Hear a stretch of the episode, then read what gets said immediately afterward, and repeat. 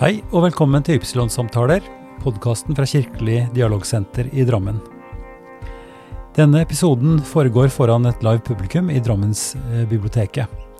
Her snakker jeg med Ole Andreas Fevang, som er daglig leder i Fevang Eiendom. Et familiefirma gjennom flere generasjoner.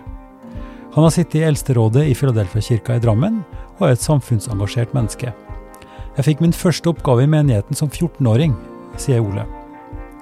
Dag Nygaard er tidligere pinsepastor og har vært svært engasjert i økumenisk arbeid, bl.a. i Norges kristne råd, Oslo-koalisjonen og STL. Samarbeidsrådet for tro- og livssynssamfunn, der han var den første lederen. Hele ungdomstida var jeg med i alt som skjedde i Philadelphia Kristiansand. Rett etter videregående ble jeg leder for menighetens bibelskole, forteller Dag. I denne samtalen snakker vi om motivasjon, drivkraft og reflekterer over ulike veivalg og prioriteringer. Da har jeg gleden av å ønske velkommen til en Ypsilon livesamtale her i biblioteket i Drammen. Et samarbeid mellom Drammen og Omegn tro- og livssynsforum og Drammensbiblioteket og Ypsilon-samtaler. I dag eh, har jeg to gjester, eh, og det er kanskje litt original sammensetning, for det begge to har nokså lik bakgrunn. Um, og det er en slags fortsettelse av en samtale som jeg hadde for et par år siden med tre unge damer som, som kom fra ulike menigheter og snakka om hvordan det var å vokse opp, og hvordan deres liv var i forhold til menigheten. Jeg har lyst til at vi starter med det, og da presenterer jeg først uh, Ole Andreas Fevang. Uh, Ole Andreas, du, du, er drammenser. Vokste opp i en, uh, i en, skal vi si, en tradisjonsrik familie som har jobba med næringsvirksomhet her i byen i flere generasjoner. Kan ikke du si litt om eh, hva slags familie du kom fra? Jo, får, jo, takk for det. Jeg får presisere litt. Jeg er jo ikke vokst opp i Drammen. Jeg er vokst Nei. opp på Nedre Eiker på eh, Solbergmoen. Nå Drammen, men før i tida ja, ja, ja, ja. Nedre Eiker. Men, uh, Solbergmoen, og da er vi oppe på Nedre Eiker, gamle Nedre Eiker. Ja. Og vokst vokste opp og hadde både oppveksten min, lekeplassen og læreplassen i butikken på Solbergmoen. For ja. både bestefar Bjarne og pappa Børre dem drev dagligvarebutikk på Solbergmoen. Og det var der vi De første fem-seks leveåra var faktisk i tredje etasje på, over butikken. Ja. Så du, du, vokste opp innimellom butikkhyller og ja, ja, fikk være med på å sortere ting? og lage litt Der leika vi og jobba. Vi stabla tomflasker etter skoletid og ja. var tidlig i gang med å jobbe etter skoletid. Ja. Eh, og en veldig tydelig forankring i pinsemenigheten. Jeg ble tatt med dit når jeg var liten gutt. for Foreldra mine hadde funnet sin plass i Filadelfia-kirken i Drammen. Ja. Uh, og, det, og dit tok det med oss uh, guttene i tur og orden også. Og jeg fant min plass der og fikk venner der. Mm. Um, etter hvert også en bevisst tro. Mm. Tok et uh, eget standpunkt til det. Jeg, jeg, husker fremdeles når det var. Jeg har ikke akkurat tidspunktet, men jeg husker hvor det var ja. uh, i en sammenheng hvor jeg var tenåring, og jeg bestemte meg dette ja. er livet mitt fremover. Ja. Tøft. Uh, Dag, Dag Nygaard, også uh, tilknytning, tydelig tilknytning i, i pinsebevegelsen, men ikke vokst opp her i området? Nei, det vil du nok høre. Jeg kommer jo opprinnelig fra Kristiansand. Mm. Så er jo min bakgrunn ganske lik Ole sin bakgrunn, for jeg kom også fra en familie som hadde tilknytning til pinsebevegelsen og, og, og Philadelphia-menigheten mm. i Kristiansand. Ja. Og ble ganske tidlig bevisst på at jeg skulle være en kristen. Ja. Og ble døpt som tenåring ja. i, i, menigheten. Og dåpen, eh, til forskjell fra Norske kirke, den er jo knytta til en bevisst, eh, bevisst, handling, bevisst ønske fra den som blir døpt. I motsetning til oss som bærer de små og som da døpes fordi at foreldra eller familien vil det. Ja, og, og, det var, og, det var, jo, eh, bare for et lite apropos, ja. og det var jo ganske interessant, for uh, når jeg gikk i, i skolen, så var jo eh, kristendomsundervisninga eh, kirkens dåpsopplæring. Ja. Mm. Og da lærte man at det ikke kom til å gå så bra med de som ikke var døpt. Mm. Det var 60-tallet. Ja. Og alle klassekameratene visste jo at jeg ikke var døpt. Mm. Så de spurte læreren da eh, Men hva med han Dag? Hva, hva, hva, hva, hvis han dør? Han er jo ikke døpt. Mm. Og så så han, tenkte han sånn Jeg tykker han tar en stor sjanse. ja, nettopp. Ja. Husker du hva du tenkte da? Nei. Ikke, ikke, noe annet enn at jeg var så bevisst ja. at det var ikke noe problem for meg. Jeg visste hva jeg sto for, hva jeg trodde. og Jeg hadde lest mm. Bibelen fra perm til perm før jeg var ti år. Ja. Så jeg var godt bevandret i teologien. Ja. ja ja, det er vel ikke nødvendigvis noe likhetstegn mellom å ha lest Bibelen og være godt bevandret i teologi. Det kan vi komme tilbake til. Men eh, vi er jo da innpå det her med altså frelse fortapelse og den antagelsen som en da har at hvis du ikke var døpt Altså dåpen er på en måte det frelsende aspektet her. Um, og på 50-tallet så var det jo en viss Ole Hallesby, som sikkert noen har hørt om, som uh, i en radiopreken var veldig veldig tydelig på det. Han snakka ikke om dåpen.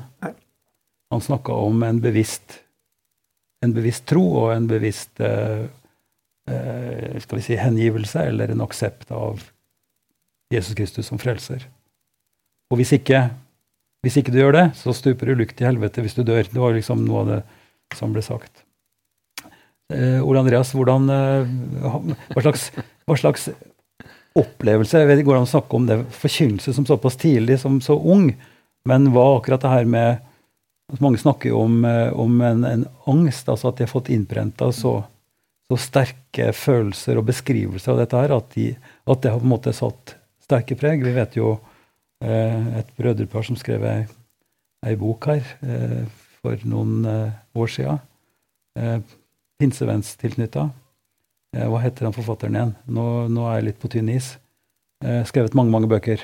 Broren var i, i Ja, var det Tore Edvin Dahl du tenkte ja, ja, ja, ja, visst. Ja. Så klart. Brødrene Dahl. Ja. Eh, for broren han var jo salmepresentatør og jobba i NRK ganske mye. De skrev en bok ja, eh, om dette her. Ja, ja. Veldig interessant bok. Men Ole Andreas, eh, hva er dine det er, det er klart, Jeg vokste opp i en sammenheng hvor, hvor, det var en Det var nok mye litt mer kraftfull jeg skal si, forkynnelse den gangen jeg var guttunge. Men jeg kan aldri si jeg har følt meg skremt på noen måte. Jeg tror veldig mye også kommer an på hvordan uh, du opplever det hjemme i hjemmet ditt. Mm. Uh, for jeg har vært mye mer opptatt av å fokusere på hva jeg tror på, mm. enn hva jeg skal holde Altså hva, hva du blir frelst ifra. Og, og, og skremme folk til å, å, tro, det jeg det, det, tror jeg ikke noe på. Så jeg tror vi må forkynne det som er det positive evangeliet. Så går det jo en diskusjon om dagen nå, skjønner jeg, at man eh, skal endre på det å gå fortapt, eller at man skal bruke uttrykk som å gå til grunne isteden. Jeg vet ikke om det er noe bedre å gå til grunne enn å gå fortapt. Mm -hmm. For meg så framstår i hvert fall i Bibelen at, og Jesus sier det jo ganske tydelig også, at, uh,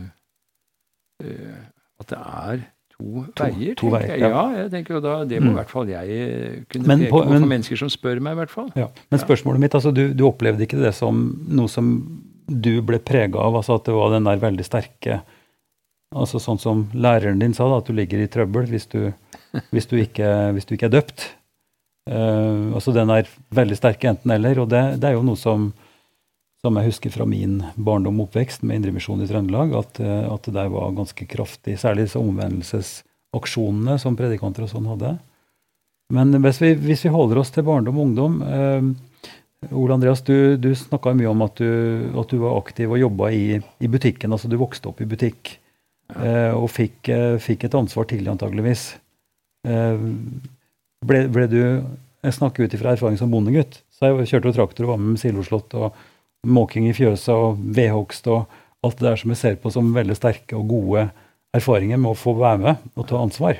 Hadde du noen sånne erfaringer i din oppvekst? Ja, vi jobba, jo sammen. Det var liksom Hele familien var, var, i og rundt den butikken. Så det var jo en sånn livsstil, egentlig, det å vokse opp i en sånn dagligvarebutikk.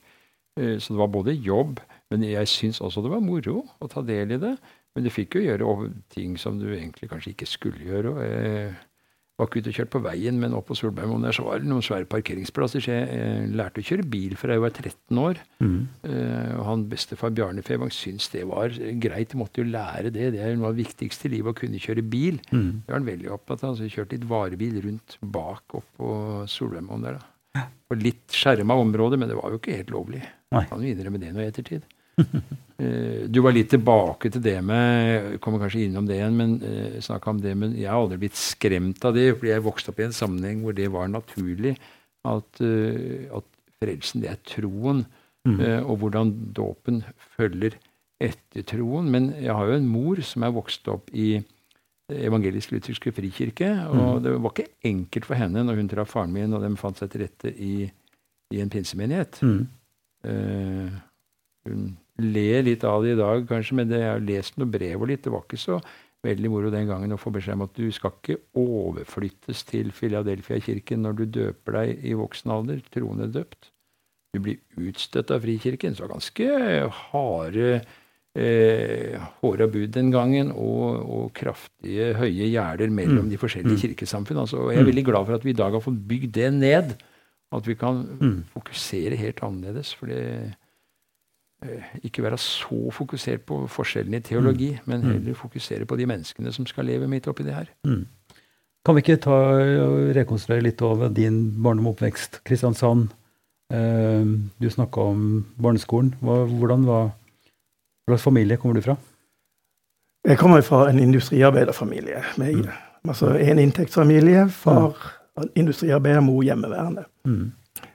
Uh, og, og vokste, hadde det meste av oppveksten min i et, i et uh, sånn eneboligstrøk uh, mm. utenfor Kristiansand. Mm. Ganske trygt og godt. Mm. Masse uh, jevnaldrende. Det var, var, var et sånn nybyggerfelt, så det var mye baner der. Som, mm. ja, så vi hadde mye artig. Mm. Godt, mm. stort sett. Ja. Men du sa at du at du var godt bevandra i teologien fra ja. tidligere. Du, du lest, har lest gjennom Bibelen, kjente Bibelens bøker og sånn, og var forankra i, i, menigheten. Uh, hvor var det da i, i, i eh, tenåra at du òg bestemte deg for at du ville ja. gjøre dette til en karriere, eller bli predikant? Nei. Eller? Nei. Det kan jeg ikke si. Det kom nok på slutten av, av tenårene. Mm. Men jeg var jo fryktelig engasjert i menighetsarbeidet. Jeg hadde nesten ikke tid til å gjøre lekser. Mm. og var det noe jeg måtte gjøre, så gjorde jeg det ofte på nattestid. Ja. Og Hver eneste kveld var det et eller annet i menigheten som jeg var med på. Ja. Så jeg tror det eneste jeg ikke var med på, var Søstermisjonen. Søstermisjonen, ja. Ja, det hadde vi. Men brødremisjon? Jeg ble, ble stoppa i døra. hva, hva, hva, var det? Hvorfor var det så utrolig interessant for deg å være så Var det det sosiale der? Var det du skulle frelse verden, eller hva var det som var på en måte drivkraften din? Nei, det, det var jo veldig kjekt. Og så ja. fikk jeg jo uh, utfolde meg på veldig mange ulike felt. Fikk mye ansvar? Det også. Ja. Jeg var jo med i alt som var kor. Uh, jeg var mus musikant, så jeg spilte en rekke instrumenter som ble brukt i ulike sammenhenger. Uh, jeg var søndagsskolelærer, jeg var, var ungdomsleder, ungdomskorleder. Mm. Det var gateevangelisering, og, og det var eh, Ja, masse forskjellig. Og så var det søndagene. Da var det jo det var, Den tida var det jo møte midt i uka også. Ja. Mm. Og, og, det var bønnemøter, og det var formiddagsgudstjeneste, og det var kveldsmøte. Ja, alt skulle hun være med på. Eh, dere var flere på, på, din alder? Så dere var ja, en gjeng det var, var en stor gjeng. Ja. ja. Så vi hadde jo et stort ungdomskor mm. som jeg var leder for, med, med 60 medlemmer. Ja. Så det, det, var festlig. Men så, når du var ferdig med videregående skole, ja. eh, så måtte du gjøre et studievalg? Ja, det ble Jeg, jeg jobba to år eh, innenfor eh, mer helse-sosialretta virksomhet. Mm -hmm. Og så fikk jeg et kall fra menigheten med, med spørsmål om kan du tenke deg å arbeide her hos oss. Ja. Vi skulle bl.a. etablere en eh, bibelskole mm. som jeg fikk ansvar for. Så jeg tror jeg var, den gang var Norges yngste rektor. 21 år gammel. Det høres jo helt, det høres jo helt vilt ut. Ja. Altså Som aktiv menighetsarbeider og aktivist ja. skulle bli leder for en bibelskole. Ja. Administrativt, innholdsmessig, studenthåndtering. Ja. Altså, ja, du må være en ganske ung voksen, eller voksen ung, for å si det sånn. Det får andre svare på. Ja. Men jeg vist veldig mye tillit. Ja. Si, si, litt om kall. Har du sånn at du har fått et kall fra menigheten? Og vi snakker jo i, ja. i kristen sammenheng om et tydelig misjonærkall, eller ja. kall til ditt, kall til datt. Hvordan, hva var det? Hvordan opplevde du det? Nei, det var uh, noe som modna seg frem i meg. Sånn at når kallet fra menigheten kom, så korresponderte det veldig med det jeg følte innvendig. Ja. Eh, og, og, den bibelskolen, hvordan gikk det? Altså, de hadde to semestre, altså to kull. Ja. Så sa jeg opp etter to år, for da hadde jeg lyst til å begynne å reise og, og preke. Mm. Og det gikk ganske greit, så det hadde nok å gjøre. Ja, ja. Nei, men så, så, det vil si at den bibelskolen den varte så lenge du var der, og så Ja, jeg vet ikke. Jeg husker nå. husker jeg. Nei, nei, nei, ok. Men poenget er at det skjedde mye rundt ja, Dag, rett og slett. Ja. Um, vi switcher tilbake igjen, Ole Andreas. Ja. Butikken, butikkarbeid. Hva, hva var det som forma ditt, ditt valg? For dette var jo en, en, en, familie som drev butikk. Og du har tydeligvis også hatt et kall i den retning, for du har drevet skikkelig butikk og gjør det fortsatt. Om enn om en ikke akkurat dagligvare. Nei. Eh, det er mange som har lurt på om det liksom blitt trykka det på hjemmefra, men det er ikke. For jeg husker jeg kom til et punkt hvor han, faren min snakka med meg og sa er det noe spesielt du har lyst til, så har du mulighet til både å utdanne deg, ta andre retningsvalg enn det som vi holdt på med her. sånn. Men jeg syns det var moro, og det tror jeg er en eller annen sånn Jeg vet ikke om det er en sånn skade på oss i familien. Det er jo fire brødre som holder på sammen mm. fremdeles. Mm. For det, er, det der med å, Jeg er utdanna i kjøttfag også, for vi hadde jo to kjøttbedrifter en periode. Ja. Eh, så jeg er faktisk eh, pølsemakermester, i tillegg til at jeg har gått en del år på BI, så jeg har også økonomisk utdannelse. Mm. Eh, men nei, det, var, det er valget jeg gjorde sjøl og syntes det var spennende med, med forretningsvirksomhet. Og det har vi jo dyrka videre via de to kjøttindustribedriftene vi bygde opp. Og så har vi parallelt med det holdt på med eiendom og eiendomsutvikling. Og nå holder vi på med eiendomsinvesteringer, vi fire brødrene sammen. Mm. Eh, men jeg har lyst til å gå litt tilbake til menighetsarbeidet. Ja. Hvis ikke det er helt du, skal, du skal få snakke om det videre også. Jeg skal få snakke om det, ja. ja, ja absolutt, det absolutt, absolutt. Men nei, for, for det var spennende, og det er mange som lurer på hvordan kan du klare å jobbe sammen, fire brødre og en familie sånn. Og det er klart det er noen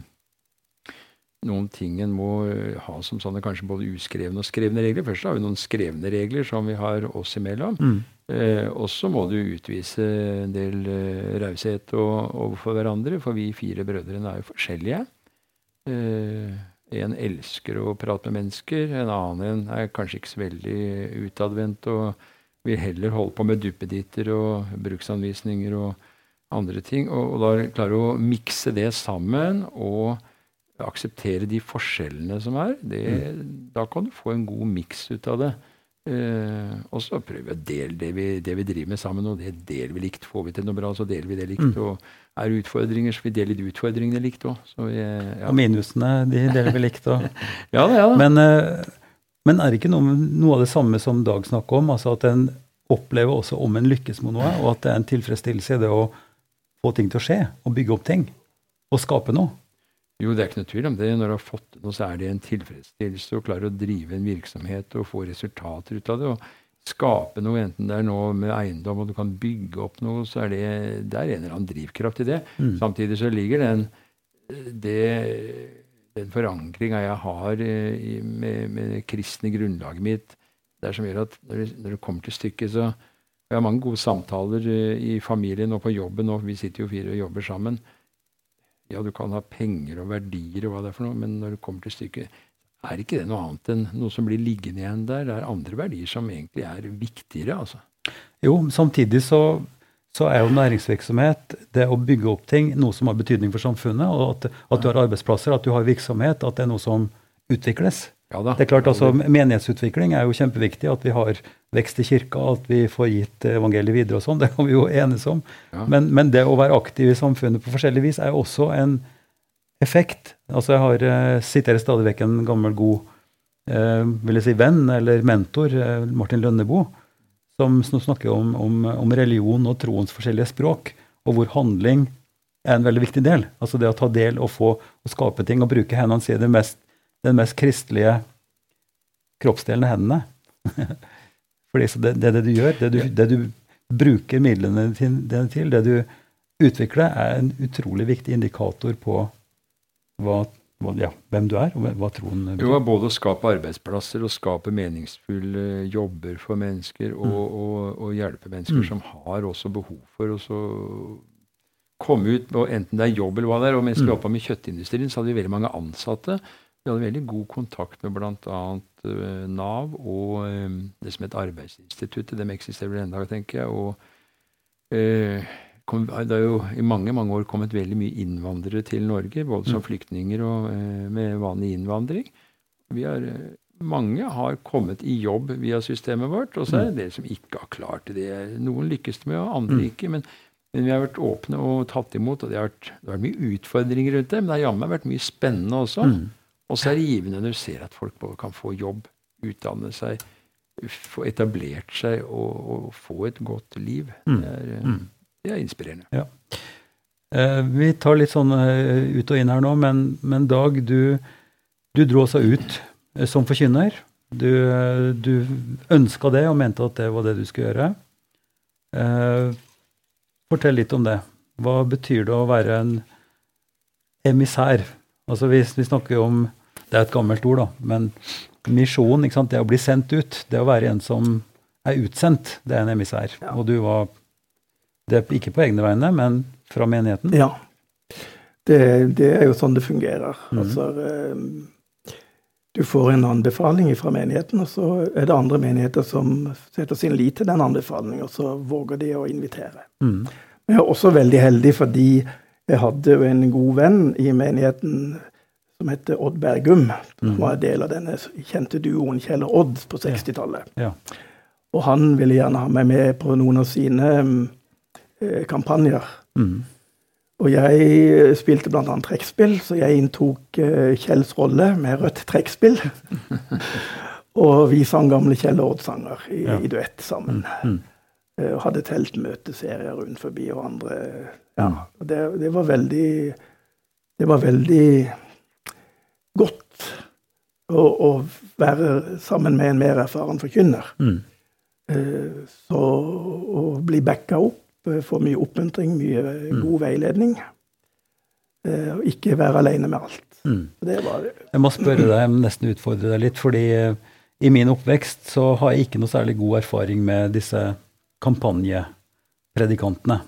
Mm. Eh, og, og, helt konkret så opplevde jeg det som ganske, ganske påtrengende og veldig sånn suggestivt og, og, negativt. Vi skal ikke gå inn på hvem og hva og sånt, men du ser det fra andre sida. Du opplevde det, du var emissær, du var ute og reiste. Hva slags kan vi, kan vi snakke om noe teknikk? Hadde dere noe bestemt mål om å få folk til å komme fram og, og skulle knele? og altså Hele det der kjøret som jeg ble veldig forsynt av, for å si det ja. sånn. Jeg tror jeg kan si at eh, jeg personlig ikke syns at eh, det var eh, tilfredsstillende å stå og mane folk, mm. sånn som jeg så andre gjorde. Mm. Det er noe annet enn å gi folk en mulighet mm. på frivillig basis. Ja, absolutt til å Hvis de kjenner et behov for det, mm. så kan de gi seg til kjenne, komme frem, søke mm. forbønn. Mm. Eh, det, det, er veldig mange svakheter ved, ved dette også. Eh, også fordi folk blir eksponert eh, på en måte som ikke alltid er, er god. Mm. Og f.eks. det å gå rundt og snike nedover benkeraden og så se litt å plukke ut folk og utfordre direkte personlig på den måten, det syns jeg var en uting. Det kunne jeg aldri mm. tenke meg å gjøre. Mm. Og det gjorde jeg aldri. Hva, hva var den gode følelsen? Når, hva, når, du sier at dette var meningsfullt og fint, ja. eh, si litt om det. Vi har jo litt felles erfaring med å være predikant ja. og lede gudstjeneste. Hva syns du eh, var det sterkt meningsfulle med det? Eh, det, det, som gjorde det meningsfylt, det var jo ofte det som kunne skje i etterkant av et møte hvor folk søkte kontakt fordi mm. de hadde et eller annet de ville snakke med meg mm. om. Ja. Uh, for det er faktisk forskjell på det som skjer i, um, under i sånne sterke, suggerende mm. møter, hvor det er helt åpenbart manipulering. Mm. Uh, og jeg opplevde også som menighetsforstander uh, at um, de, uh, når jeg var pastor mm. For du ble pastor et, rett etterpå? Ja, det var jo ikke mange. Det gikk et par år, så, ja. så var det var slutt på den reisevirksomheten. Ja, ja. Så de nye som jeg fikk til menigheten, mm. det var ofte folk som hadde fått lov å gå i fred mm. i menigheten over mm. tid. Mm. Uh, og, så kommer de plutselig en dag og så sier du de, 'Jeg vil være en kristen. Jeg vil bli døpt'. Mm. Og det viser seg ofte at disse blir i menigheten. Jeg var i, i forstander i en menighet hvor jeg i forbindelse med 80-årsjubileet til menigheten gjorde en statistisk analyse av alle som har blitt med i menigheten i løpet av de siste 40 årene før, før dette jubileet. Mm. Hvem var det som var fremdeles med? Mm. For de hadde hatt noen store vekkelser mm. um, på 50-tallet knytta mm. til en uh, på den tiden kontroversiell predikant. Mm. Og, og, menigheten vokste veldig kraftig. Hva var igjen når det var gått 30 år? Ja var svært lite. Mm. Eh, de som var, var gjerne de som var blitt vunnet gjennom menighetens barne- og ungdomsarbeid. Mm. Og vokst inn mm. i menigheten. Og dere to er eksempel på det, ja. begge to? Har, ja, vokst, har vokst inn i menigheten, har blitt der. Eh, vi snakka om å være langdistanseløper her, Ole Andreas. Eh, og stå i det, og være med og ta oppgaver gjennom et, et langt liv. Vi må si at altså Dag eh, 68. Ole her eh, 61. Ja, 60, da. Ikke gjør det verre enn det der, da. Okay. Bursdag om to måneder, da. Ja, ja. ja. Nei, men altså Det handler om det. Å være, å være, med og vokse inn i det. Få ansvar, bli sett. Eh. Vokse inn i det. Ja, jeg, jeg, fått, jeg, pleier å skryte jeg sier jeg har fått veldig mye ledertrening av de arbeidsoppgavene jeg har blitt tildelt og fått mulighet til å ha i Filadelfia-kirken. Jeg var jeg var 14 år første eh, tillitsvervet jeg fikk. Da var jeg det var riktignok i styret i hornorkesteret i Filadelfia-kirken. Mm. Fikk være med der sånn. Eh, var litt høytidelig og litt system på det og greier. Og det var faktisk litt stas altså, som 14-åring å få bli med på det. Eh, og så lærte du, og plutselig så var du sekretær i hornorkesteret, og, og så var det ikke så mange år før jeg satt og var formann, var leder av hornorkesteret. Mm. Og det var jeg i flere perioder i Filadelfia-kirken, hornorkesteret der. og det samme også ungdomskor. Jeg hadde ganske stort ungdomskor i mange mange år i Filadelfia-kirken. og Der satt jeg i styret der òg, og var styreleder også i det koret. Jeg var ikke musikalsk leder, men hadde ansvar for en ganske stor ungdomsflokk der. Det var veldig mye læring i det. Mm. Um, og i tillegg da så var jeg aktiv både musikant i begge de eh, sammenhengene.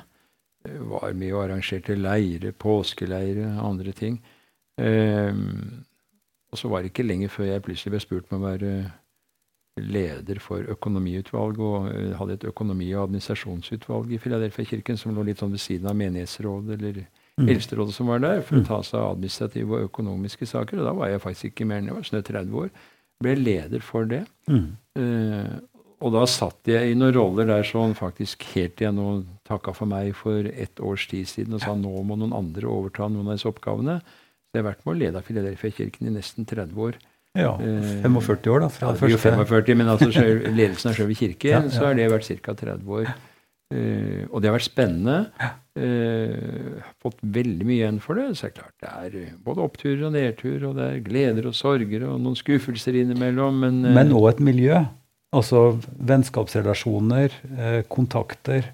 Altså, det, det, er jo et stort miljø. Ja, du var, og du var innom det du spurte Dagis. Det er ikke noe tvil om at jeg fant meg godt til rette på junior søndagsskole, guttekorpset i Philadelphia.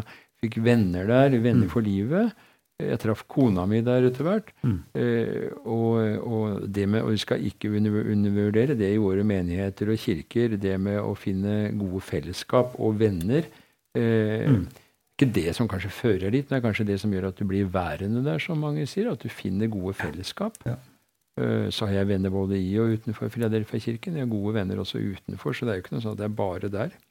Men, uh, men det har nok vært mm. ganske avgjørende også. Og så har jeg både det har gitt meg mye. Jeg føler at jeg har fått vært med å gjøre noe, og så har det gitt meg mye å mm. få være i tjeneste. Så vi er jo inne i frivillighetens år nå. Eh, og det er vel ikke bare som, eller kirka som opplever frivilligheten som en nøkkel.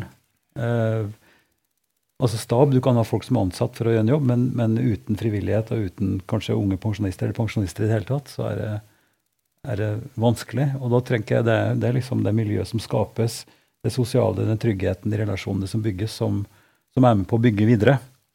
Men, men, la oss ta et skritt videre her nå, fordi jeg har også i flere av disse episodene snakka om en, en, sosiolog som heter George Putnam, eh, som snakker om forholdet mellom det å ha sterke fellesskap eh, eh, internt, som er helt nødvendig for å bygge den tillit, altså tilhørigheten og, og, og den, den, veksten som vi nå snakker om, men også om de broene over til andre fellesskap og andre annerledes tenkende.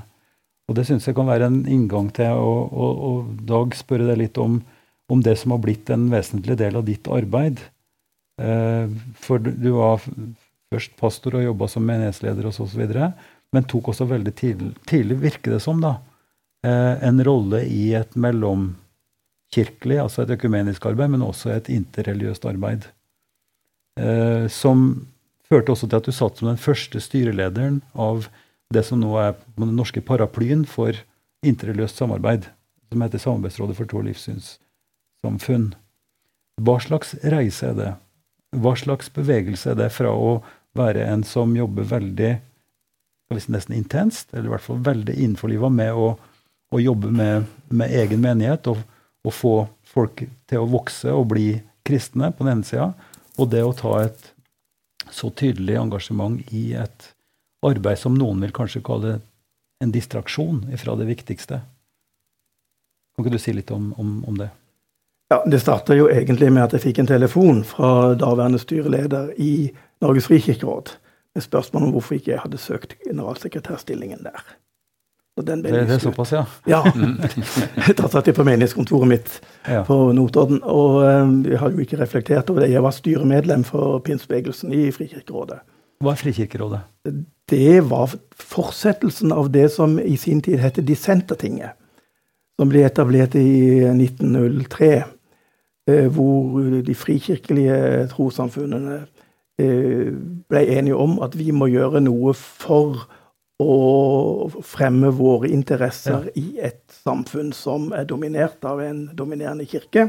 Dissenter, den som tar dissens, den som er uenig. Så det er, ja. det er fellesskapet av de uenige, liksom. Ja, og det var nok litt uenighet blant disse også. For det var noen som uh, ikke var like fornøyd. Jeg, jeg, tuller, jeg, tuller, med det fordi det er, liksom, det, er jo et navn som også er karakter, en karakteristikk. Ja. Eh, forholdet mellom majoritet og minoritet. Ja. Så, så, så dissenterne, eller frikirkene, er de som er et fellesskap på de som da ikke hører med til hov, hov den største kirka. Ja. Det var de protestantiske frikirkene. Ja, ja. Det, og da fikk jeg en sterk oppfordring om å sende noen ord om meg sjøl på en lapp. Mm. Hvilket jeg gjorde. Fakset mm. over. Mm. Faks, ja. Ja, det var i den tiden, det. Mm. Ja. Og uh, ble innkalt til intervju. Mm. Og dermed var det gjort. Og Da kom jeg inn i dette eh, frikirkelige økumeniske arbeidet, samarbeidet, interessearbeidet, ikke minst. Mm. Eh, når, når omtrent er dette? 1992. 92. Mm. Så det er jo ja. 30 år siden. Ja. Mm. Eh, og det var jo Og jeg var veldig motivert for det, fordi jeg hadde en, uh, interessert meg for denne type spørsmål. Mm.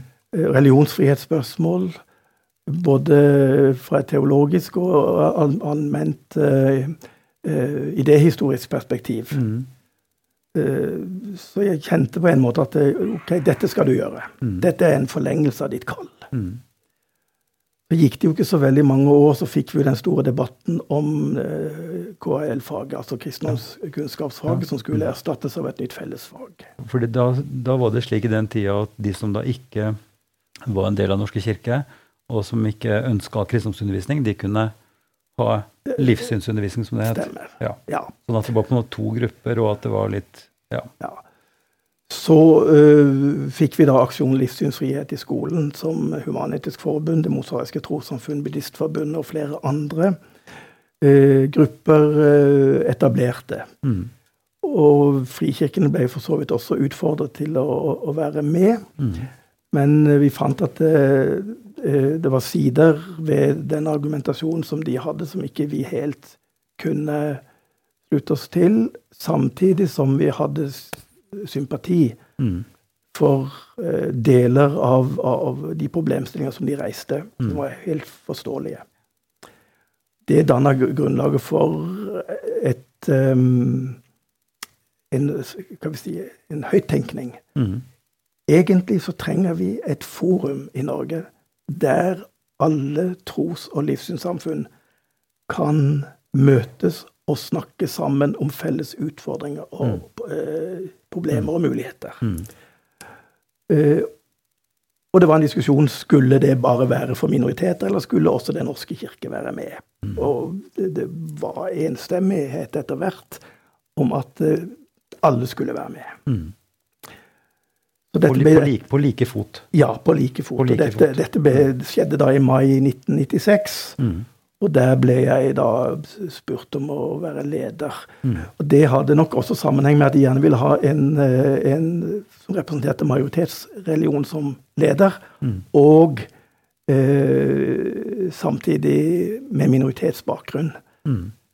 Det var på en måte en god miks, da. Ja, ja, du, du var en del av den store ja. kristenheten, eh, som er en majoritet åpenbart i Norge, men samtidig også en dissenter eller en, en, en frikirke. Så det var en veldig interessant erfaring. Mm. Mm. Å være med å bygge dette opp. Mm. Si, si, litt om karakterene. Du, du, sier jo det indirekte, for dette var altså en, en, samling av folk som hadde behov for å snakke sammen om felles utfordringer. Ja. Altså ikke en konsensus på teologi eller tro eller, eller, religion, men en felles opplevelse av at her er det ting vi må ta tak i. Er det karakteristisk for det du vil si er fortsatt STLs oppgave? Eh, ja, det vil jeg si. Mm. Uh, og um, jeg tror det er viktig å være klar over at um, det er en stor mangel på kunnskap om hva det vil si å ha en tro mm. i det norske samfunnet. Mm. Det er også behov for å forstå rent praktisk hva det innebærer å skulle, skulle utøve sin religion. Mm.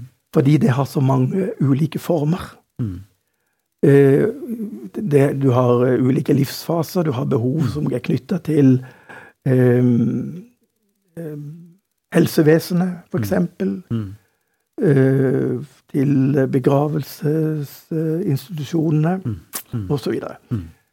Sånn at når, når um, minoritetene, særlig de minste, har vanskelig for å nå frem, så er det så mye bedre når de er en del av en sammenheng som mm. forstår, mm. ja. og kan ha kontaktnett og kan mm. hjelpe til med å løfte frem. Mm. Så betyr det på en måte at mitt spørsmål i utgangspunktet da er litt forfeila? Altså forholdet mellom det å ha en sterk identitet og en sterk tro, og drive misjon og ha et aktivt menighetsliv internt, det er ikke en motsetning, sånn som du åpenbart forstår det. Og det å stå felles i et veldig sammensatt og, og, sånn sett et teologisk sett helt skal vi si, konkurrerende, nesten, eh, perspektiv. Altså Hvis man ser historisk på det, så burde det jo ikke være det. Eh, Oldkirken levde jo i en religionspluralistisk tid. Mm. Uh, hvis man ser på det gamle Romerriket, eller tidlige Romerriket. Ja. Ja. Jeg kunne sagt mye om det. Uh, men noen av de første store kristne tenkerne var jo opptatt av dette. Ja. Men, men, jeg syns likevel det er interessant, og jeg syns vi skal uh, spørre deg, Ole Andreas, kan ikke du si litt om hvordan du tenker om dette? For det er jo åpenbart et punkt én og et punkt to. Det er snakk om hva er viktigst, hva er mindre viktig, hva er det vi satser på, hva er det vi bruker tida vår på? Uh, og uh, forholdet mellom det å drive misjon, kristent arbeid, menighetsarbeid internt, sånn som da jeg refererte til han der sosiologen Putnam, forholdet mellom det ene og viktige og det å bidra. Altså Du som businessmann vet jo alt om det. ikke sant? Bygge relasjoner, bygge fellesskap, kunne holde på. Men, men hva tenker du om dette i, i en troende sammenheng, altså i en menighetssammenheng? Jeg har jo vært, eh, har jo vært menighetsmann, men jeg, jeg, ser jo absolutt verdien av det arbeidet, sånn som Dag har jobba i også. det at vi, at vi, og Som jeg sa litt om i stad, jeg er lykkelig for at vi har kommet videre nå og kunnet bygge murene ned. Mm. I hvert fall har vi klart det, syns jeg, mellom de kristne kirkesamfunna, at vi kan omgås på en helt annen måte enn før. Uh, mye mer senka skuldre. Snakka med noen før i dag om nadvern. Ja, jeg vet du har litt forskjellig tilnærming til nadvern ut ifra uh, hvilke kirkesamfunn vi kommer fra. Mm. Eh, men kan vi ikke legge det i det som vi står for hver for oss? Da så kan vi faktisk allikevel felles mm. møtes ved et nadværsbord. Eh, så jeg er veldig glad for at de har blitt bygd litt ned. Så kan vi godt ta vare på vår egenart eh, i forskjellige kirkesamfunn også. Men jeg tror vi har blitt veldig mye mer avslepet alle sammen. Eh, og det er jeg glad for. Å lukke opp kirkene våre og ikke være så sære. Jeg tror det er viktig. altså Skal vi nå mennesker i dag? og Apropos litt av den jeg er jo vokst opp med det som du refererte i dag, med evangelister og med vekkelsesmøter. Så er det noen kanskje seniorer blant oss i dag som etterlyser det. Så, og da svarer jeg at la nå folk få være litt mer på en reise, en trosreise i livet sitt. Og, og, det blir nok mye mer stabilt, som du sier, Dag, hvis folk istedenfor å bli manipulert eller masa på, la dem få lov til å finne litt ut av det på reisen. Og så får vi være elementorer og møte folk. Mm. og La dem få være iblant oss og sammen med oss. og finner de ut at ja, her var det godt å være i denne kirken eller mm. menigheten eller bedehuset, eh, så fortsetter de å være der. Mm. Og, og eh, syns man at dette her passer ikke for meg. Nei, kanskje det er et annet sted som passer, eller kanskje ikke det passer i det hele tatt. Mm. Så får folk få lov til å gjøre de valga sjøl. Det har jeg i hvert fall tro på. Så må vi selvsagt eh, kunne forkynne evangeliet. Det gjør vi i vår sammenheng. Og jeg er så heldig at vi får lov å være på NRK for tida også, i den kirken jeg tilhører. Eh, og det er en tillitserklæring, det. Og det, vel, det er vel eh, sier vel litt om at eh, vi har vel klart å oppføre oss ganske ålreit når vi får lov til å være der, og har fått beskjed om at nå ønsker man det ut 2023 også. Det er jo både imponerende og det er jo grunn til å gratulere med det, at, at det er sånn. Og, og jeg, jeg syns det er viktig at vi også i samtalen understreker det faktum at det er jo det vi driver med i menighetene. Vi driver med en forkynnelse ut ifra vår tro og vår konfesjonelle tilknytning. Sånn at vi er jo ikke, så det er jo ikke det at vi har et, altså en, en, drive mot det å skulle være enige om alt mulig.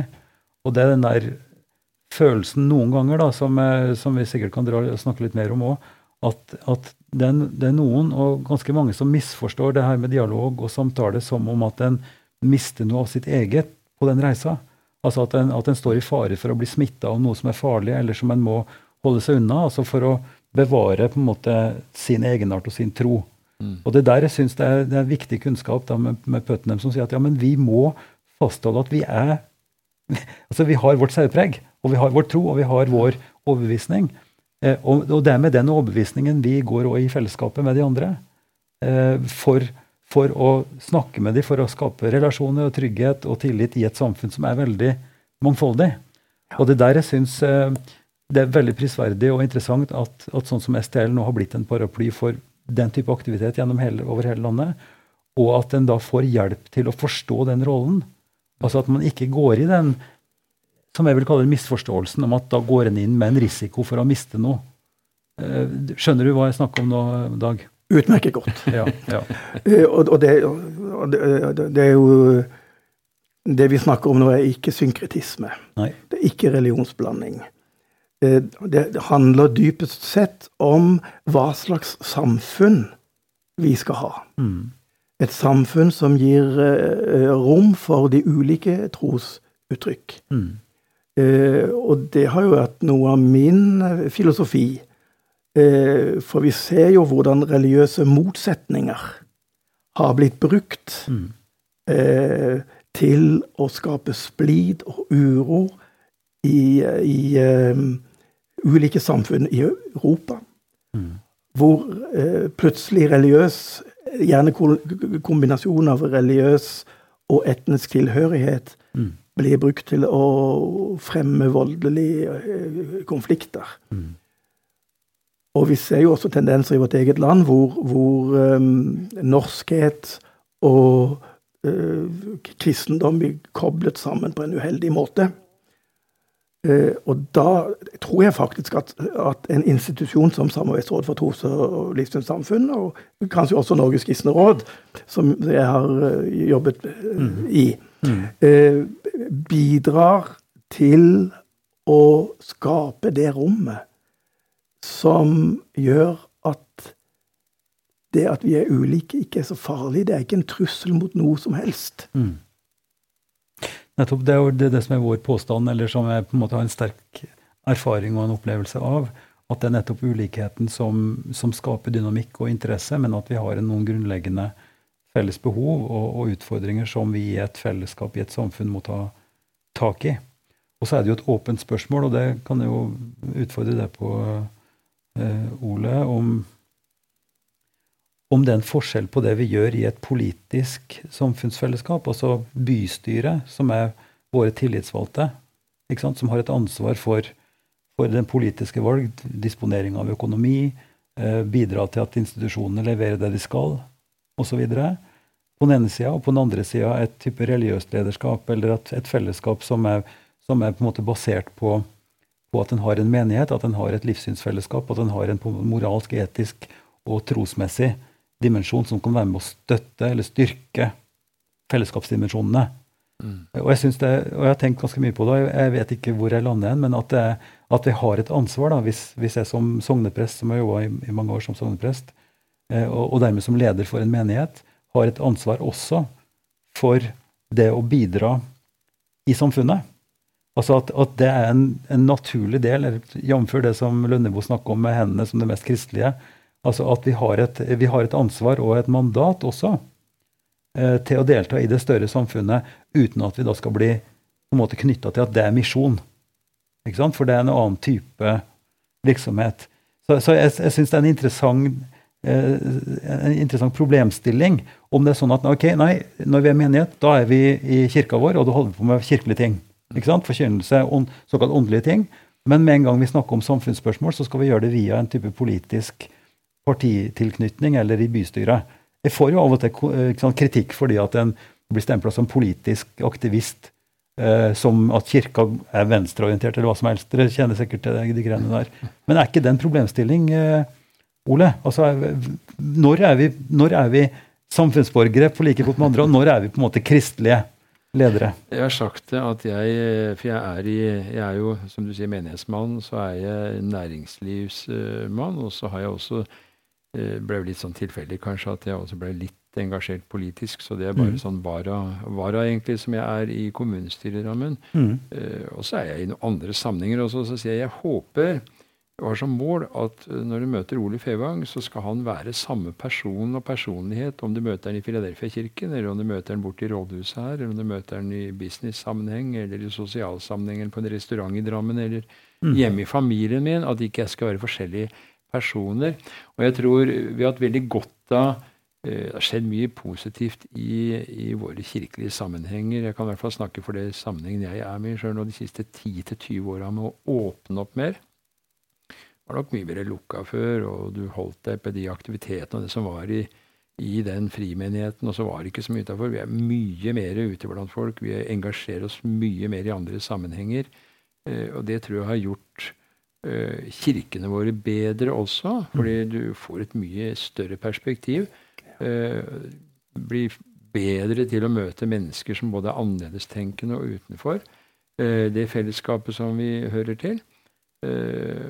Og så er det, det er klart det er et samfunnsansvar. Vi er, jo, vi er jo samfunnsborgere. Enten du tilhører en kirke eller ikke, så er du en samfunnsborger og, og må ta din del av det ansvaret. Så jeg, jeg tror det flyter mer over i hverandre. Jeg tror det var mye mer boks- og silotenking før, og sekterisk, for å bruke et mm. sånt uttrykk som mm. kanskje ikke er noe koselig. Men jeg tror det var mye mer det før. Nei, men altså, Vi skal jo snakke sånt om sekter òg, ja, ja, ja. når det blir så sterke skiller og så spisse albuer at en ikke kan utenom uten at en blir stempla. Hva tenker du om dette i dag? Det, det var vel um, Grundtvig som sa det. Menneske først og krist, kristen så, ja. Så, ja. Mm. Og det, det, å være et troende menneske, det er jo Troen er jo ikke noe som du legger igjen eh, ved entrédøra når du går ut. Det er noe du har med deg inn i alle sammenhenger. Mm. Så det er en integrert del av, av personligheten, av livsstilen din. Mm. Det er ikke noe du sjonglerer mellom. Men jeg har lyst til å, å, nevne en annen ting, og ja. det er jo eh, hvis jeg får anledning. Ja. Fordi at eh, dialog handler jo ikke bare om dette praktiske samfunnsmessige. Men det jeg også har opplevd, det er jo at Og det er da særlig i møte med, med andre troende mm. av, av, andre religioner. Mm. Det er jo at de har respekt for din gudstro. Altså jeg opplevde her for noen år tilbake det var på reise i utlandet. En, en muslim som jeg var ute og spaserte med, legger armen rundt meg. Mm. Og så sier han Dag Nei, Mr. Nygaard, mm. sa han. I know you are a man of God. Jeg tror jeg aldri har hørt en pinnsvenn si noe sånt til meg. Du er en gudsmann. Mm. Og så får jeg en bekjennelse om et problem som han ville at jeg skulle ta med meg når mm. jeg ba mm. i, i, mine bønner. Mm. Og eh, for noen år tilbake så var jeg gjennom en kreftoperasjon. Det har gått bra. Jeg kom til å dø av noe annet. Så, så, men da fikk jeg hilsen fra muslimske venner mm. som kunne fortelle meg at navnet ditt ble nevnt under fredagsbønnen i moskeen vår. Mm. Altså, her er også noen dynamikker som uh, veldig interessante. Mm som sier noe om at uh, vi tar med hverandre inn i det som er vårt innerste hellige rom. Mm. Og ikke bare bryr oss om våre trosfeller, men har, har mm. denne omsorgen for andre, mm. eh, uavhengig av hva slags tro de har. Nei, det er fint at du tar opp det, fordi det her berører jo noe som kanskje er et slags traume, eller i hvert fall noe som er veldig vanskelig for mange. For det blir jo framstilt som at islam og, og, kristendom er sterke konkurrenter, og som, som vi ser også i utlandet, at, at eh, sekter da, eller politiske eh, grupperinger bruker islam sånn som kristendommen har vært brukt også, til, til krig og til, til forferdelig brutale ting. Men det her med å skulle ha en sameksistens og en forståelse og en gjensidig respekt som jeg opplever oppstår i, i, dialogen og kontakten med folk som en da blir venner med, og som en ser og, og, og får tett innpå seg. Det gjør jo også noe med, med, hvordan en tenker om sin egen tro, gjør det ikke det? Altså hva slags eh, altså hvis vi, skal, hvis vi skal kunne si noe, noe skal vi si noe mer overordna om, om, hvordan en ser på, på troen som unik eller Altså, vår tro er den troen som vi lever og dør med, og som vi ønsker at andre skal dele. Hvordan blir det i forhold til folk som har den samme følelsen i en annen religiøs sammenheng? Altså, hvor blir sannhetskravet, eller hvordan ser vi på, på sannheten i en sånn sammenheng? Dette er jo et, et, teologisk og et filosofisk ganske krevende spørsmål. Men Ole, hva tenk, hva, hva, altså, hvordan, hvordan tenker du om, om dette? Det i hvert fall, eh, det er vel De fleste er vel mye mer skråsikre når du er 18, 20, 25 enn når du er 60. Mm, ja. Mye mer reflektert, helt sikkert. Jeg har min tro, og den, den føler jeg meg veldig trygg i. Og har i hvert fall den opplevelsen at den, den er den rette for meg. Mm, ja. uh, skal jeg være veldig forsiktig med å si at andre tar helt feil. Men uh, ser jo forskjeller, og, og, men jeg har jeg valgt å ha veldig respekt for annerledestenkende og folk som har annen religiøs tilnærming. Eh, det tror jeg vi tjener på, at vi har stor mm. respekt for hverandre. Selv om vi, vi, kan være uenige og si mm. at her er det noen skillelinjer. Ja. Det er klart, det, jeg, Som en troende kristen så sier jeg det jeg, jeg kan ha eh, kristent fellesskap, det er jo for meg så er det alle som tror på Jesus stedfortredende død for mm. meg. Mm. Mm. Det, da, da, er vi i samme mm. båsen og sekken. Jeg har jo ikke noe problem med å være sammen med andre mennesker. Det er jo ikke det det går om. Å ha respekt for at andre har en annen religiøs tilnærming. Men uh, hvis jeg skal være innenfor den hva jeg tror på, så er mm. det ja. som en av virkelig ja. de. Nei, men eh, kan ikke du utvikle litt videre det du starta på, Dag? Altså på, på den, hva som skjer med oss når vi lever tett på andre som har en annen overbevisning, og som også, som du vakkert beskrev, ikke sant, eh, ber hverandre om forbønn, eh, har en tro som er så ja, lik, på en måte, eller uttrykkes på samme måte, ikke sant, i praksisen. Ja, altså bønn i en eller annen form foregår jo i de fleste eh, religioner. Mm. Bønn og andre riter. Mm. Jeg vil jo ikke underslå at det er ikke alt som jeg forstår. Og det er en del religiøse praksiser som jeg ikke helt får tak på. Mm. Eh, så, så, det får være Sånn er det. Mm. Eh, men jeg har respekt for eh, de menneskene som, som hengir seg til dette. Mm. Jeg forstår at når jeg kommer til deres hellige sted, så skal jeg ta meg på føttene. Mm. Noen steder må jeg også ta på meg noe på hodet. Mm. Jeg husker en, en, en god venn av jeg hadde en, en um, delegasjon med religiøse ledere fra Georgia mm. på besøk i Norge, for de skulle lære litt om vår måte å organisere og, og, håndtere religiøs ulikhet. Mm. Og da hadde vi jo en, en rabbiner en, som tilhørte en særdeles uh, utrert uh, jødisk sekt som mm. fikk norske jøder til å steile. Mm. Mm. Så jeg sa til min gode venn Jan Benjamin Rødner Vet du hva, Jan Benjamin, jeg er glad jeg er kristen. altså, Å ikke ha så mange sånne, sånne, sånne, regler som jeg må følge for hver minste ting. Ja, ja. Uh, ja. Og, og, han var for så vidt enig i det. at dette var noe helt uh, spesielt. Og, og, og, det sånn, sånn, vil det være. Ja. Men uh, jeg måtte jo møte ham uh, med respekt, og som vert mm. sørge for at han fikk alt det han trengte til etterlevelse av sin spesielle tolkning ja. Ja. av den mosaiske tro. men det å be er jo en måte å vise omsorg. Mm ta et menneskes liv eh, og, og, og, dets navn i sin munn, mm. og nevne det mm. innenfor guddommen når man mm. ber. Mm. Og jeg ble jo ikke Jeg syns det var veldig hyggelig, godt, mm. mm. at noen tenkte på meg. Ja. Når jeg trengte at noen ja. uh, ba for meg. Så, og, og, at dette var muslimer. Jeg, tror, jeg, jeg, jeg er monoteist. Mm. Det betyr at det fins bare én gud. Mm. Og, og, om andre tenker annerledes om denne guden enn det jeg gjør, så får det være eh, sin sak. Når de mm. ber, mm. så ber de til uh, den guden som Det er bare én gud. Mm. Og så får de be til ham på sin måte.